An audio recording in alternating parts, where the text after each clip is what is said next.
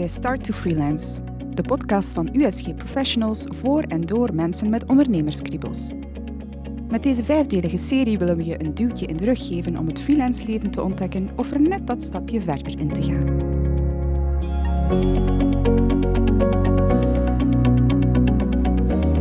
In aflevering 4 praten we met Talissa Orens en Didier van den Hout. Talissa volgt sinds oktober vorig jaar het Start to Freelance traject. Hoe ervaart ze haar eerste jaar als starter? Wat heeft ze bijgeleerd en welke vragen heeft ze nog? Ze praat erover met Didier van den Hout. Als HR-coach en projectmanager is Didier al 23 jaar freelance aan de slag.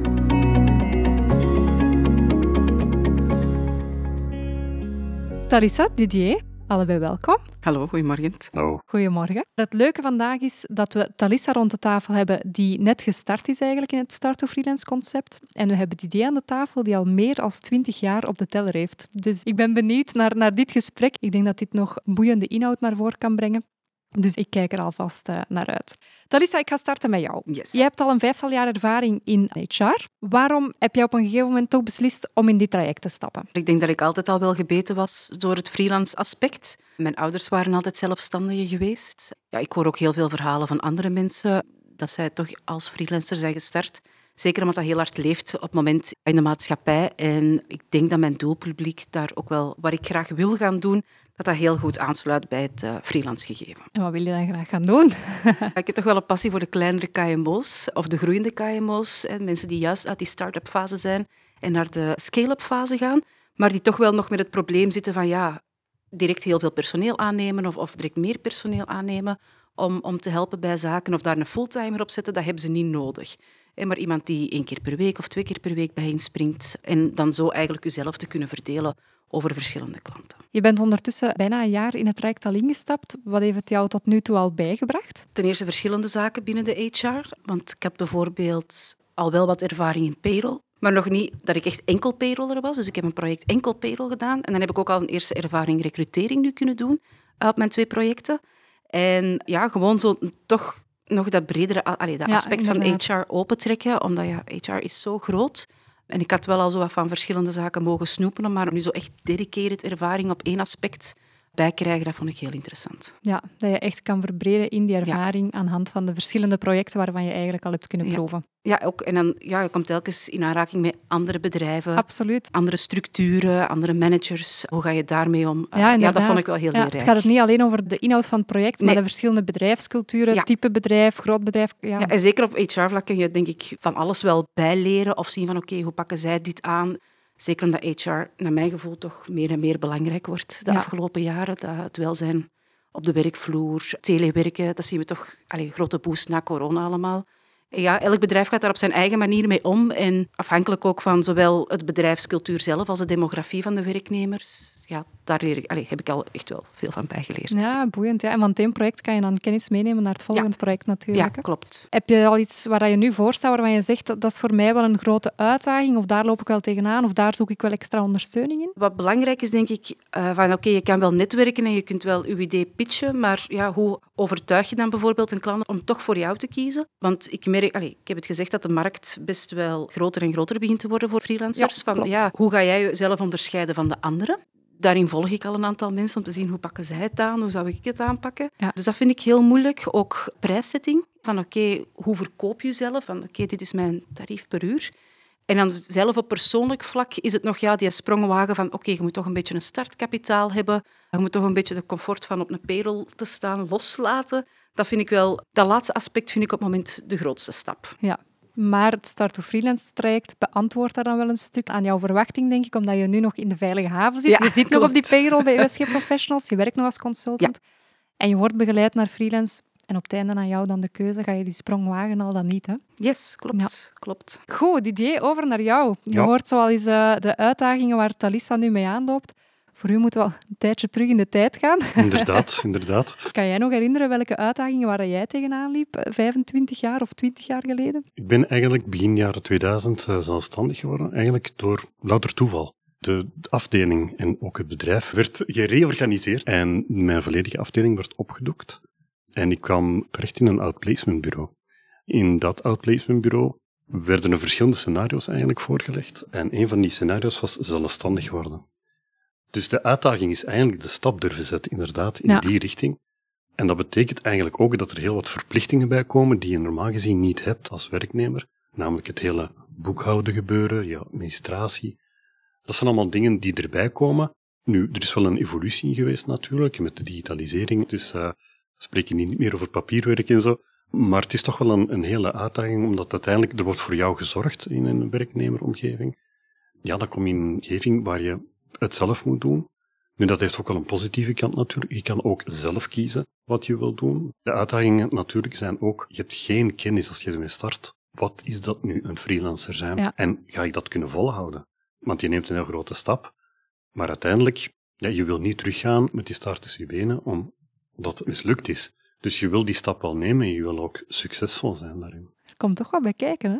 Inderdaad, Ja, ja. Ik wil één aspect van jouw antwoord even ehm, daarop terugkomen. Je geeft al aan de digitalisatie, hè, vergeleken met 20 jaar geleden.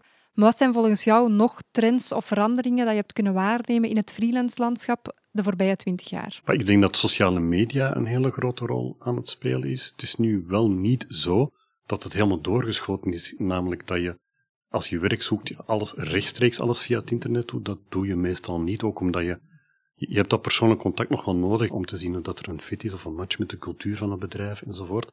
Maar je merkt wel bijvoorbeeld, het personal branding is bijvoorbeeld ook al gevallen, denk Mhm. ik, is ja, je LinkedIn-profiel moet wel verzorgd zijn, moet wel kloppen en moet ook je toekomstige opdrachtgever uitnodigen om jou aan het werk te zetten voor een bepaalde opdracht.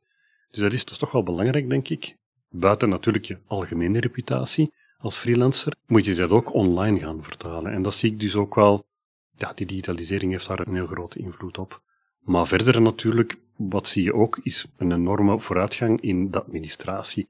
Ja. Gebeuren dat alles meer en meer digitaal begint te lopen. Ook bijvoorbeeld jouw facturen, jouw boekhouding enzovoort. Eh, Ik heb zelf ook met mijn boekhouder, ik stuur geen facturen meer door, ik gebruik ook een pakket ervoor, Ja. alles gebeurt online. Ja. Dus dat helpt wel, want het- ja, het is soms wel veel werk. Je administratie, dat, ik zie jou schudden, ja, hoofdschudden, dat klopt inderdaad wel. Maar het digitaliseren helpt wel Ja. om het sneller en efficiënter te doen. Ja, oké.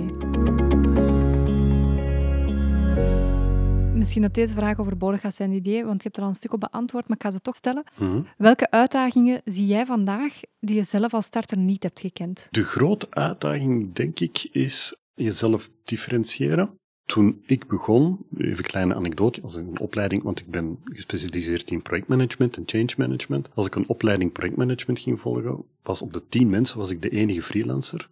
En dan vijftien jaar later ga ik een andere opleiding volgen en is het volledig omgedraaid. Dus je ziet daar een enorme evolutie in die markt, flexibeler werken. Vertaalt zich ook naar meer en meer freelancers Ja, op de markt. Klopt, klopt. En dat betekent eigenlijk dat die populatie van freelancers enorm gegroeid is. En dat betekent ook dat je jezelf moet gaan positioneren, want ja, aan het begin was dat niet moeilijk, want er was niet veel concurrentie, om het zo te zeggen. Conculega's eigenlijk, misschien is het beter woord. Maar hoe, wat heb jij dan te bieden tegenover andere mensen? Ook weer, dat is ook weer een deel van die personal branding. Dus je moet een goed verhaal hebben, een goed verhaal waarin je je eigen ja, een beetje differentieert van de rest zodat je opdrachtgever kan zien van ah, dat is de juiste persoon die ik zoek. Ja. Misschien ook wel, als een laatste puntje, is ik had niet zoveel, eh, want de helft van mijn opdrachten komen binnen via mijn netwerk, mijn eigen netwerk, en de helft via, ja, laten we zeggen, USG Professionals? onder andere. Inderdaad, dat klopt, ja. Het is wel zo dat er wel een enorme, moet ik het zeggen, met het aantal freelancers dat toegenomen is, zijn er ook wel heel veel bureaus op de markt gekomen. En dan moet je ook wel gaan kijken van welke service verlenen die agentschappen. En zijn dat cv-schuivers, om te zeggen, mensen die niks anders doen dan gewoon maar cv schuiven van de klant naar jezelf? Of zijn dat bedrijven die een toegevoegde waarde bieden, in die zin opleidingen, samenwerking, evenementen enzovoort, zoals USG Professionals? Ja. Ervaar je dat ook zo, Talisa, als we dan, dan teruggrijpen op het stuk van je moet jezelf onderscheiden, want de freelance-markt groeit? Het gevoel dat ik daarbij heb, of, of waar het er heel veel willen, is zich echt ja, beginnen profileren via sociale media, zoals Instagram, Facebook, door van die catchy posts te maken. Dan denk ik dat je als freelancer toch op een andere manier jezelf moet gaan in de wereld zetten. Ik zou liever naar een, on- zo'n ontbijtsevent of netwerkevent gaan. Daar worden er in heel België wel een aantal van, altijd van georganiseerd, één keer per maand of één keer per kwartaal. Dan zouden mij eerder daar zien om, om zes uur s morgens dan dat ik zo'n Instagram-post aan het maken ben. Ja. Ja. ja, en ook, we hebben het in de voorbije podcast ook al besproken, blijf vooral jezelf. Ja, Blijf ja. je authentieke zelf. De hele social media verhaal is een goed begin. Ja. is een goed begin om een beetje onderscheid te maken van en een beetje meer informatie over die persoon te weten te komen. Maar het is een begin, want dat is uiteindelijk een een start van een conversatie die je hebt, inderdaad, op evenementen enzovoort.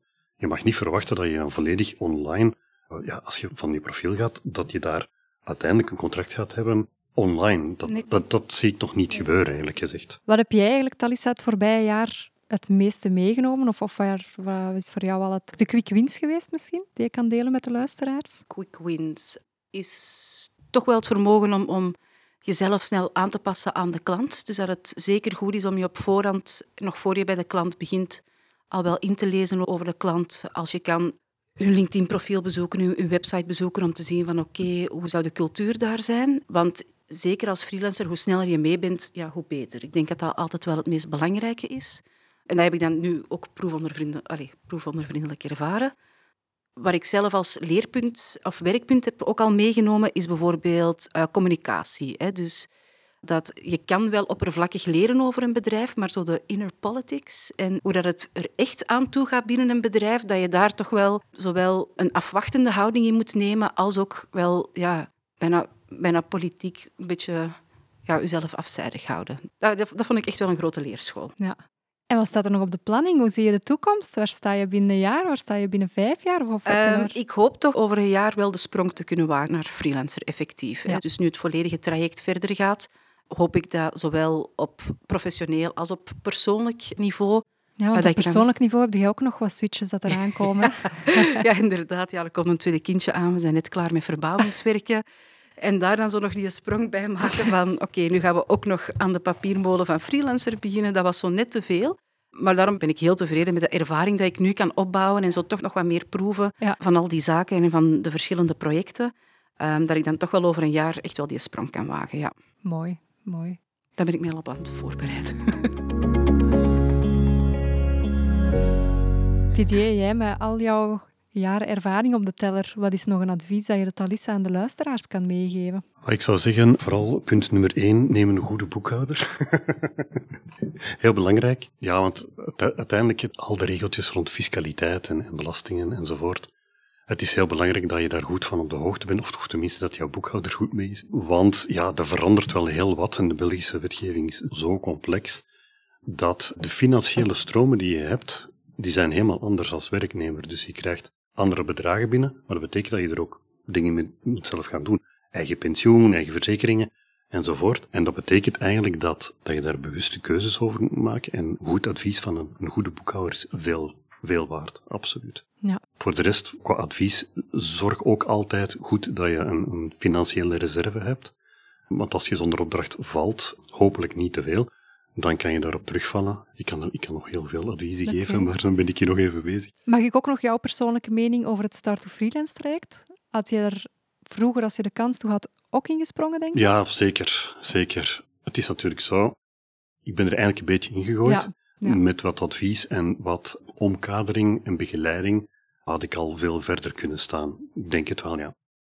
Ja. Dan ga ik jullie bedanken. Heel fijn de informatie te horen langs twee kanten. Van een zeer ervaren rot in het vak en iemand die klaar staat om de sprong te gaan wagen. Ik wens jullie beiden nog heel veel succes, Dankjewel. zowel privé als professioneel. Dank je. En eh, opnieuw dank je wel voor het gesprek. Graag gedaan. Yes, dank je.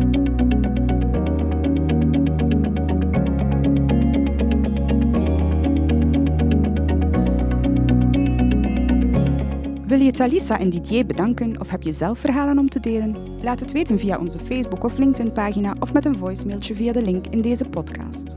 Is het interview nuttig voor iemand die je kent? Vergeet de podcast dan zeker niet te delen.